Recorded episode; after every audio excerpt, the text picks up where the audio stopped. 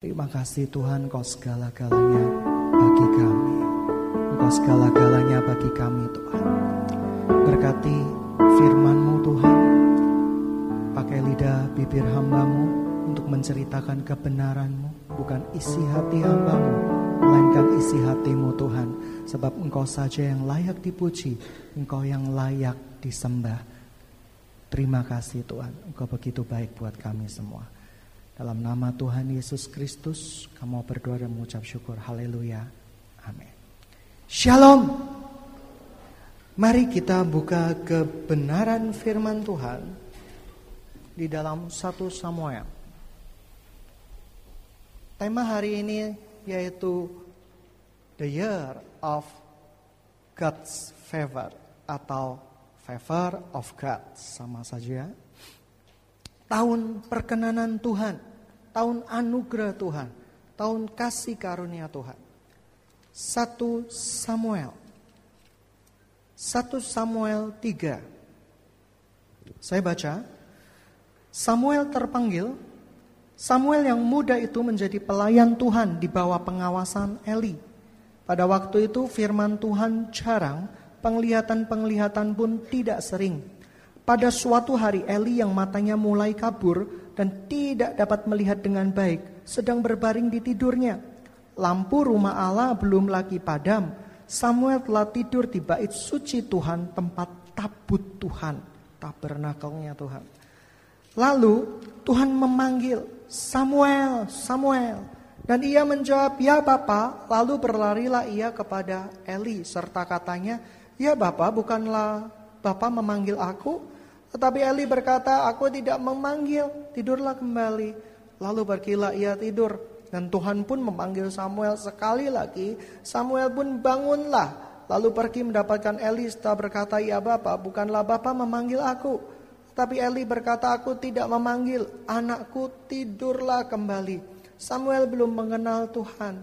Firman Tuhan belum pernah dinyatakan kepadanya. Dan Tuhan memanggil Samuel sekali lagi untuk ketiga kalinya ia pun bangun lalu pergi mendapatkan Eli serta katanya, "Ya Bapak, bukankah Bapak memanggil aku?" Bapak bukankah uh, lalu mengertilah Eli bahwa Tuhanlah yang memanggil anak itu. Sebab itu berkatalah Eli kepada Samuel, "Pergilah dan tidur. Apabila ia memanggil engkau Katalah berbicaralah Tuhan sebab hambamu ini mendengar. Sebab pergilah Samuel dan tidurlah ia di tempat tidurnya. Lalu datanglah Tuhan berdiri di sana memanggil seperti yang sudah-sudah Samuel, Samuel. Dan Samuel menjawab berbicaralah sebab hambamu ini mendengar. Lalu berfirmanlah Tuhan kepada Samuel, ketahuilah aku akan melakukan sesuatu di Israel. Sehingga setiap orang yang mendengarnya akan bising kedua telinganya. Pada waktu itu aku akan menempati kepada Eli dan segala yang kufirmankan tentang keluarganya. Dari mula sampai akhir.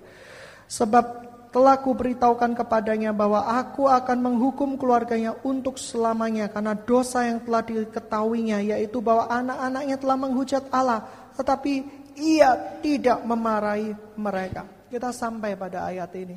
Saya percaya ketetapan Tuhan itu ya dan amin. Tuhan berkata bahwa aku akan tidak akan pernah membiarkan firmanku gugur dari awal sampai akhirnya. Samuel adalah sebuah pribadi yang menarik. Kalau Anda sedang melayani Tuhan, mungkin di tempat doanya CMC. Tiba-tiba ada suara yang manggil dan suara itu seperti suaranya Niki. Hei, turun. Saya ada perlu dengan engkau. Anda turun. Turun pertama tidak apa-apa, tapi ingat ruko itu empat lantai. Turun kedua, naik lagi. Mungkin Anda agak jengkel sudah.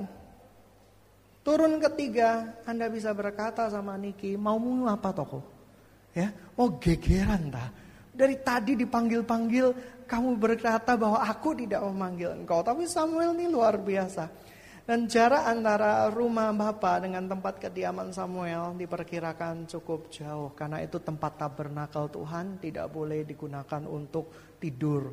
Tapi Samuel di sana menjaga tabernakelnya Tuhan. Dan dia menemui imam Eli. Dan di sana dikatakan di sana bahwa tiga kali Tuhan memanggil dia dan dia tidak sadar. Banyak anak-anak Tuhan yang tidak sadar dengan panggilan Tuhan. Oleh karena itu fungsi Bapak dan Ibu rohani itu sangatlah penting. Penjagaan Bapak dan Ibu rohani itu berbeda-beda. Ada yang anaknya mandiri akan dibiarkan sendiri. Ada anaknya yang punya potensial kenakalan di atas rata-rata dan punya pengalaman buruk akan dijagainya lebih. Saya percaya seperti itu. Saya tidak bisa membiarkan Joy sendirian dengan gunting dan kertas. Tidak bisa percaya sama dia soal area situ. Karena dia akan berkarya. Tapi kalau Keisha saya bisa percaya seperti itu. Karena tiap anak punya karakter yang berbeda-beda. Oleh karena itu saya percaya ketika Anda dibimbing oleh Bapak Ibu Rohani Anda. Ada bimbingan yang keras. Pertanda Anda perlu dikerasi. Ada bimbingan yang lembut, Anda memang perlu dilembutin. Tapi mari kita belajar firman Tuhan selanjutnya.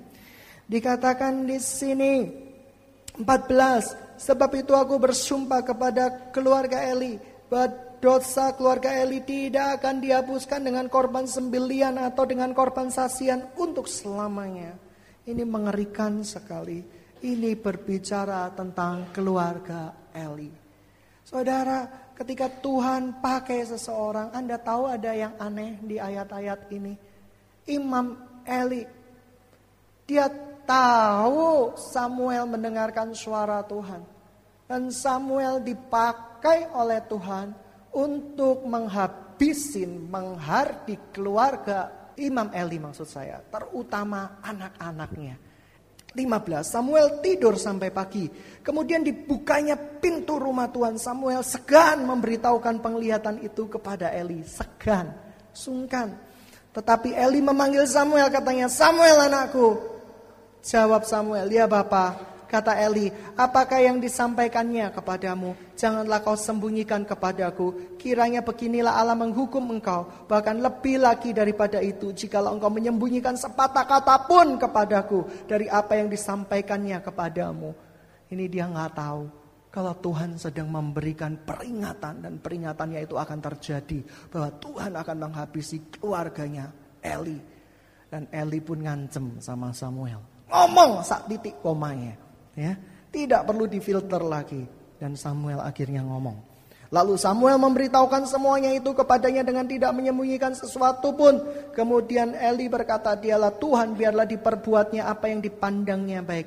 Dan Samuel makin besar, Tuhan menyertai dia dan tidak satu pun firmannya itu dibiarkannya gugur titik. Samuel makin besar dan Tuhan menyertai dia. Tidak satu pun dari firmannya itu dibiarkannya gugur.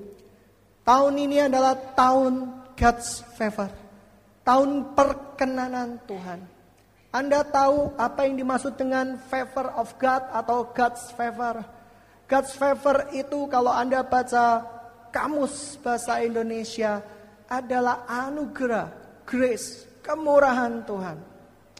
God's favor diambil dari sebuah kata Ibrani dan Yunani. Yunani artinya charis atau kasih karunia. Kalau Ibrani uh, saya lupa gitu ya seperti itu. Tapi artinya uh, huruf depannya R kalau nggak salah ingat gitu ya seperti itu. Reddit or what ya seperti itu. Itu artinya kemurahan Tuhan. Tapi mari hari ini kita belajar tentang carisnya Tuhan, anugerahnya Tuhan. Anda tahu yang dimaksud favor of God itu apa? Saya terjemahkan seperti ini. Anda yang tadinya mau di DO gara-gara nilaimu tidak sampai satu koma, tiba-tiba dosenmu memanggil kamu dan berkata, Nak, saya salah periksa ujianmu. Ternyata engkau bukan dapat empat, dapat sepuluh. Itu God's favor. Kamu tiba-tiba yang lain sharingnya di mimbar, sharingnya di persekutuan doa. Utang keluargaku banyak, utang keluargaku berjibun-jibun. Tapi kamu sharingnya beda. Tuhan itu baik. Anugerahnya tidak berhenti-berhenti pada diriku. Aku tidak punya utang sama sekali. Itu namanya God's favor. Lalu apa yang disebut dengan God's favor lagi? Seperti ini. Ketika yang lain mengalami sakit penyakit. Yang lain lumpuh. Tapi kamu sehat walafiat. Kamu tidak terkena wabah. Itu God's favor. Itu kasih karunia Tuhan. Itu perkenanan Tuhan. Sidang jemaat yang dikasih Tuhan. Hari-hari ini kita dihadapkan oleh peristiwa pesawat jatuh. Pesawat kok bisa jatuh? Ya pasti. Ya, benda di atas karena gaya gravitasi pasti bisa jatuh. Banyak orang yang bertanya lucu-lucu, kok pesawat bisa jatuh? Burung pun bisa jatuh kok, punya sayap. Banyak orang di akhir zaman ini berusaha meminta Tuhan mendemonstrasikan kuasanya. Kita meminta Tuhan untuk menurunkan kuasanya seperti di zaman kitab suci. Murid-muridnya meminta Tuhan kirimkan api Tuhan supaya mereka tahu bahwa engkau Tuhan yang menghukum mereka. Tetapi Tuhan berkata, no, tidak. Hari-hari ini banyak orang Saudaraku bukannya kita nggak boleh nggak percaya dengan mujizat Tuhan. Boleh. Kita berdoa Tuhan kirimkan mujizat. Tuhan kirimkan mujizat. Supaya ketika ada mujizat itu kita bertepuk tangan. Dan kita yakin bahwa Tuhan itu ada. Saudara-saudara yang dikasih Tuhan. Mujizat bukanlah seperti itu. Mujizat adalah saat kita bisa menerima semua perkara dan tetap percaya bahwa Yesus adalah Tuhan. Itu adalah mujizat yang paling besar. Mujizat yang paling besar itu bukan membangkitkan orang mati. Kalau Tuhan mau, Tuhan bisa bangkitin semua orang di air Asia itu. Baca kitab Wahyu, dua saksinya Tuhan yang disebut apa ya kaki diannya Tuhan dan satu pohon aranya Tuhan dikirim dari surga. Mereka dibunuh, mayatnya dibiarkan tiga hari, lalu tiba-tiba roh kehidupan masuk di dalam hidup mereka dan mereka bangkit kembali. Tuhan bisa, Tuhan sanggup dan tidak ada yang tidak mungkin bagi Tuhan. Tetapi belum waktunya. Tuhan mau mujizat yang terbesar yang kita punyai adalah mujizat iman. Sekalipun kita nggak melihat kerja Tuhan seperti yang kita inginkan, tetapi kita tetap percaya sama Tuhan. Itu iman. Dan iman itu melebihi mujizat membangkitkan orang mati sekalipun. Karena iman yang menyelamatkan engkau. Kamu melihat kita suka demonstrasi kuasa Tuhan. Eh, tapi saya percaya Tuhan sedang mau mengajarkan kita dengan peristiwa yang mengerikan di penghujung tahun itu. Kalau Tuhan mau satu keluarga habis, habis. Ya kan? Satu keluarga ngumpulin uang mungkin tuh siang dan malam, pagi dan sore. Tiba-tiba Suami, istri, anak meninggal semua. Menantu, mertua meninggal semua. Lalu apa gunanya hartanya? Benar firman Tuhan. Hai orang kaya, hari ini juga nyawamu diambil. Kamu bisa apa? Kamu bisa apa? Menyuap malaikat kematian. Eh, tak suap ya. Ojo, biarkan aku mati dulu. Tak bayar wes. 1M, 2M, 3M. Dan kamu lihat. Keluarga-keluarga yang tadinya tidak dekat. Mungkin, ini mungkin. Keluarga-keluarganya yang mungkin tadinya marah sama keluarga yang meninggal ini. Bisa menjadi pura-pura dekat. Pasang air mata, uh, nangis. Kenapa? Yang dituju warisannya. Yang dituju yaitu bahwa uh, saya ini sebenarnya yang paling mengasihi keluarga yang meninggal ini. Kita dipertontonkan sandiwara daripada sifat-sifat manusia yang ujung-ujungnya adalah duit. Teman-teman yang dikasih Tuhan, sidang jemaat yang dikasih Tuhan. Kita tidak bisa memaksa Tuhan. Iman yang paling tinggi. Sekalipun tidak ada dasar untuk berharap lagi. Kamu tetap percaya itu iman. Dan itu nilainya lebih besar daripada emas, perak, permata. Bahkan mujizat membangkitkan orang mati sekalipun. Waktu air Asia jatuh, saya nangis. Saya nangisnya sedihnya gini loh. Saya berdoa, Tuhan kirimkan mujizatmu. Karena itu syok sekali. Anak orang Kristennya 70% loh orang Kristen di sana. Mati semua bawa kayu-kayu salib. Bahkan di sosial media ada yang bersuka cita. Weh hebat, populasi Kristen habis, hore gitu ya seperti itu. Waduh, saya tambah sedih lagi gitu ya. Biarkan api dari surga membakar dia Tuhan. Tapi nggak boleh ya seperti itu. Tapi betul-betul ketika saya berdoa Tuhan berkata, apa yang kamu lakukan Daniel? Bukan kamu mujizat yang paling besar. Yaitu ketika anak-anakku tetap percaya sekalipun keadaan membuat mereka tidak percaya lagi. Keputusan final di tangan Tuhan. Tuhan adalah Tuhan yang berdaulat, yang tidak bisa kita tawar-menawar lagi. God's favor, tahun perkenanan Tuhan.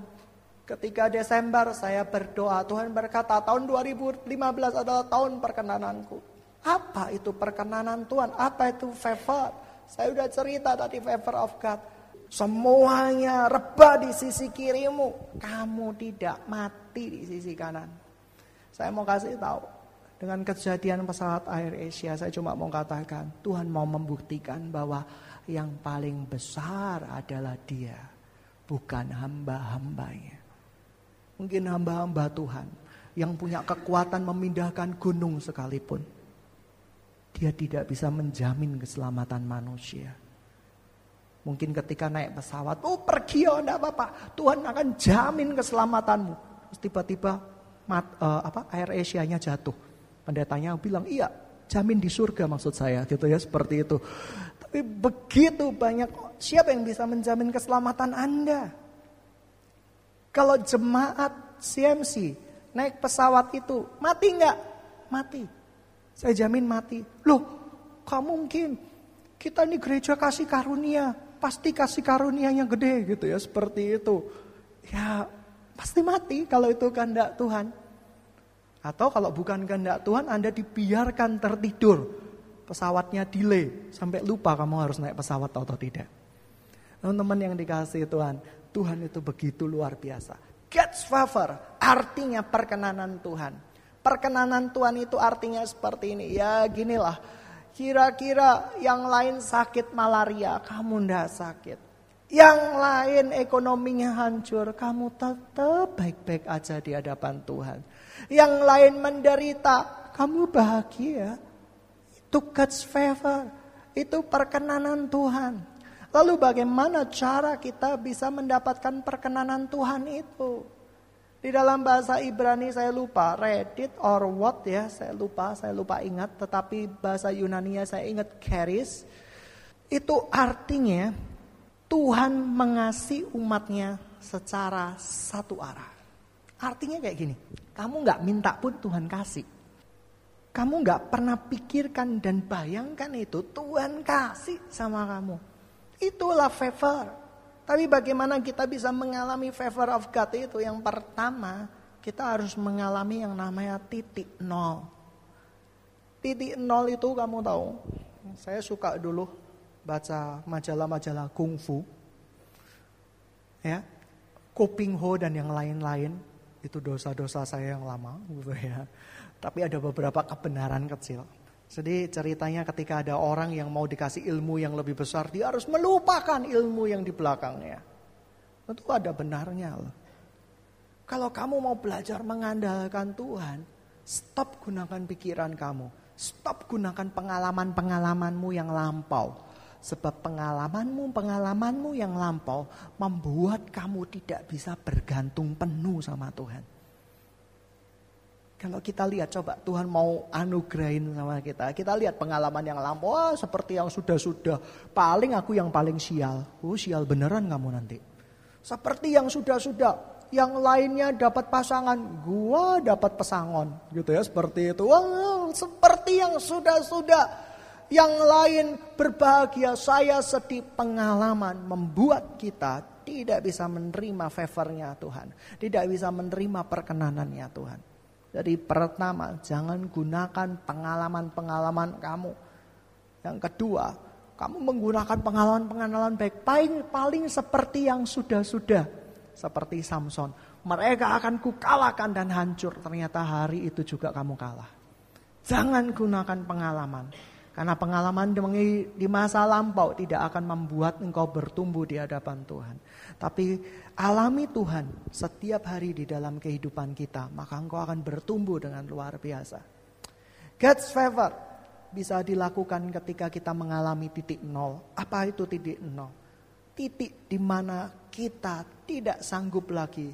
Kita mengakui keberadaan Tuhan bahwa dia yang berdaulat di dalam kehidupan kita kalau tanpa titik nol, Anda tidak akan pernah mengalami God's favor, perkenanan Tuhan. Tanpa titik nol, Anda tidak akan mengalami keanugerah-anugerah Tuhan. Lalu bagaimana titik nol itu bisa kita dapat? Bersekutu dengan Tuhan. The gate of Yada. Saya ternyata selidiki kemarin apa yang saya lihat. Yada itu ternyata intim. Ini hubungan suami istri, keintiman, kedekatan sama Tuhan. Tanpa yada, kita nggak akan mengalami yang namanya favornya Tuhan. Kalau kamu nggak deket sama Tuhan, kamu nggak akan mengalami favornya Tuhan. Mari kita baca kisah para rasul 13. Kisah rasul 13. Ini adalah tepat untuk kata keris dan kata favor. Kisah para Rasul 13 ayatnya yang ke 22. Dan setelah Saul disingkirkan, Allah mengangkat Daud menjadi raja mereka. Tentang Daud Allah menyatakan, aku telah mendapatkan Daud bin Isai, seorang yang berkenan di hatiku dan yang melakukan segala kehendakku. Berkenan di hadapan Tuhan. Daud itu mendapat favornya Tuhan gitu ya seperti itu dan melakukan segen, uh, segala kehendakku dan dari keturunannya sesuai yang telah dijanjikannya. Allah telah membangkitkan juru selamat bagi orang Israel yaitu Yesus. Ayat ini berbicara Daud itu mendapat perkenanan Tuhan. Daud bisa dosa, Daud bisa salah, Daud bisa jatuh di dalam lubang yang paling dalam, tetapi Daud kembali datang sama Tuhan. Dia tahu titik nolnya adalah harus bersama-sama dengan Tuhan. Ketika engkau hari-hari ini nggak dapat dapat izin cuti dari perusahaanmu, Tiba-tiba perusahaanmu mendatangi engkau. Aku cutikan engkau. Tapi bukan untuk selamanya ya.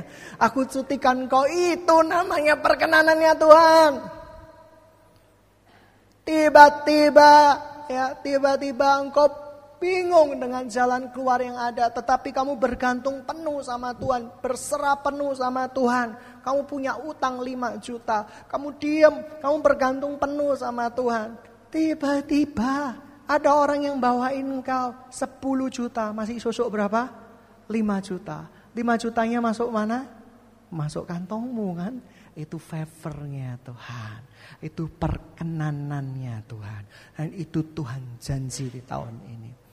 Tapi saya cuma mau katakan, kasih karunia Tuhan itu sampai dia datang kembali. Itu sudah selesai. Bukan ada zaman kasih karunia lagi, tapi zaman pertanggungjawaban. Apa yang kamu ucapkan, apa yang kamu perbuat, semuanya akan dipertanggungjawabkan di hadapan tahta Tuhan dan di situ tidak ada yang tersembunyi. Semua makhluk tidak bisa membela diri, engkau tidak bisa menyewa pengacara yang terbaik. Tetapi yang bisa menyelamatkan engkau adalah imanmu kepada Kristus. Sebab dia akan menjadi pengacaramu yang agung di sana. Teman-teman sidang Jumat yang dikasih Tuhan. Selamat datang di tahun perkenanan Tuhan. Siapa yang mau dapat perkenanan Tuhan angkat tangan. Amin. berbicara sama saya di dalam doa. Dia berkata, Daniel, mulai tahun ini stop. Stop yang lain-lain. Dekat sama saya. Andalkan saya. Supaya engkau akan melihat the glory of God. Kemurahan-kemurahan Tuhan. Kita akan bangun tabernakelnya Tuhan di tahun ini. Tabernakel itu tempat di mana Tuhan disenangkan.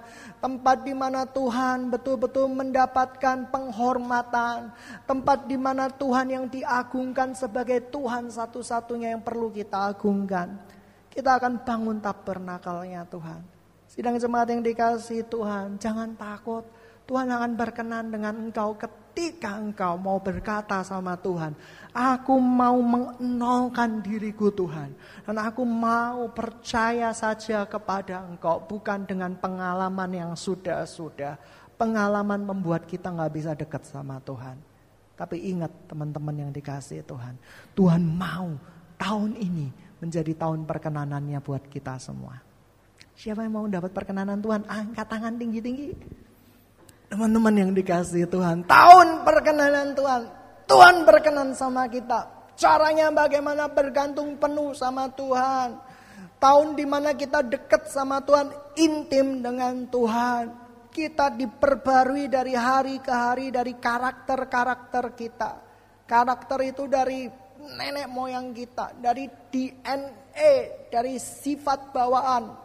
Orang-orang Air Asia yang jatuh itu terkenal dengan tes DNA, yaitu tes protein. Sifat-sifat bawaan itu pasti ada. Saya percaya pasti ada. Kalian semua membawa sifat-sifat bawaan. Tetapi jikalau mau mengenal perkenanan Tuhan, sifat-sifat bawaan itu dihilangkan sama Tuhan, diganti menjadi sifat-sifat yang baru di dalam Kristus Yesus. Mari kita berdoa bersama-sama. Kita percaya sama Tuhan. Tahun ini Tuhan mau kita dekat sama dia, intim dengan dia. Yada artinya kedekatan dengan Tuhan, keintiman dengan Tuhan.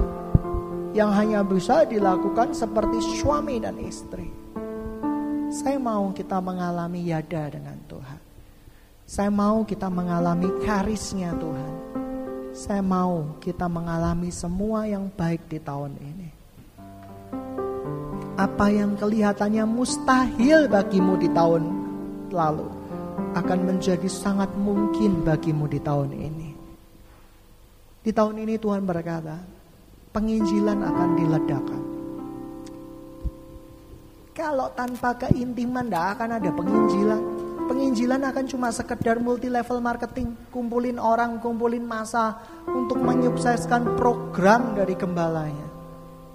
Tapi penginjilan itu ketika kita dekat sama Tuhan, ada kerinduan yang sangat untuk mengumpulkan orang-orang dan dibawa ke Tuhan. Itulah penginjilan yang sejati. Dan tahun ini biarlah kita mengalaminya. Semua jemaat melakukan gerakan penginjilan. Gerakan di mana membawa jiwa-jiwa untuk Kristus. Yang kedua, masa penganiayaan hampir tiba. Beberapa waktu yang lalu di YouTube di mana ada ancaman buat Indonesia dari ISIS. Saya merasa itu ada kebenarannya. Suatu saat engkau akan melihat pendeta-pendeta dihabisin, pendeta-pendeta digorok, Tentu masa antikristus. Kita harus siap dengan masa-masa seperti itu. Tapi saya percaya, jika orang bergantung penuh sama Tuhan, Tuhan akan memberikan kemampuan, Tuhan akan meluputkan, Tuhan akan melakukan segala sesuatu yang dianggap terbaik buat anak-anaknya. Tahun perkenanan Tuhan, tahun perkenanan Tuhan sudah tiba. Oleh karena itu sadarlah bangkitlah. Waktu hidup tidak panjang teman-teman. Kejadian-kejadian di akhir tahun lalu membukakan mata kita. Harta tidak ada gunanya. Tidak bisa kita bawa. Tapi cinta kita, iman kita sama Tuhan itu kekal sampai selama-lamanya. Dan itu yang diperhitungkan Tuhan. Kita mau refleksikan hari ini. Apa yang sudah kamu lakukan di tahun lalu? Apa-apa pekerjaanmu, pelayananmu bersumber kepada aku, aku, dan aku, dan aku, dan aku. Ketika engkau masih memiliki aku yang besar, maka engkau tidak akan memiliki Tuhan yang besar. Tetapi kalau engkau berkata, aku melakukannya karena aku mencintai Tuhan, mencintai Tuhan, mencintai Tuhan. Engkau memiliki Tuhan yang besar. Dan ketika engkau memiliki Tuhan yang besar, maka Tuhan akan berkenan dengan jalan-jalanmu. Makasih Tuhan untuk tahun yang penuh kasih karunia ini. Dan Bapak jemaat ini masuk di dalam tahun perkenananmu. Engkau berkenan dengan mereka Jikalau Tuhan sudah berkenan dengan seseorang, gak akan ada firmannya yang dibiarkan gugur atas orang itu. Percayalah. Percayalah pada firman Tuhan.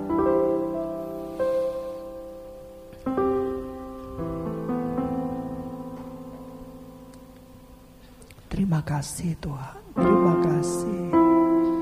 Kita ambil renungan beberapa saat.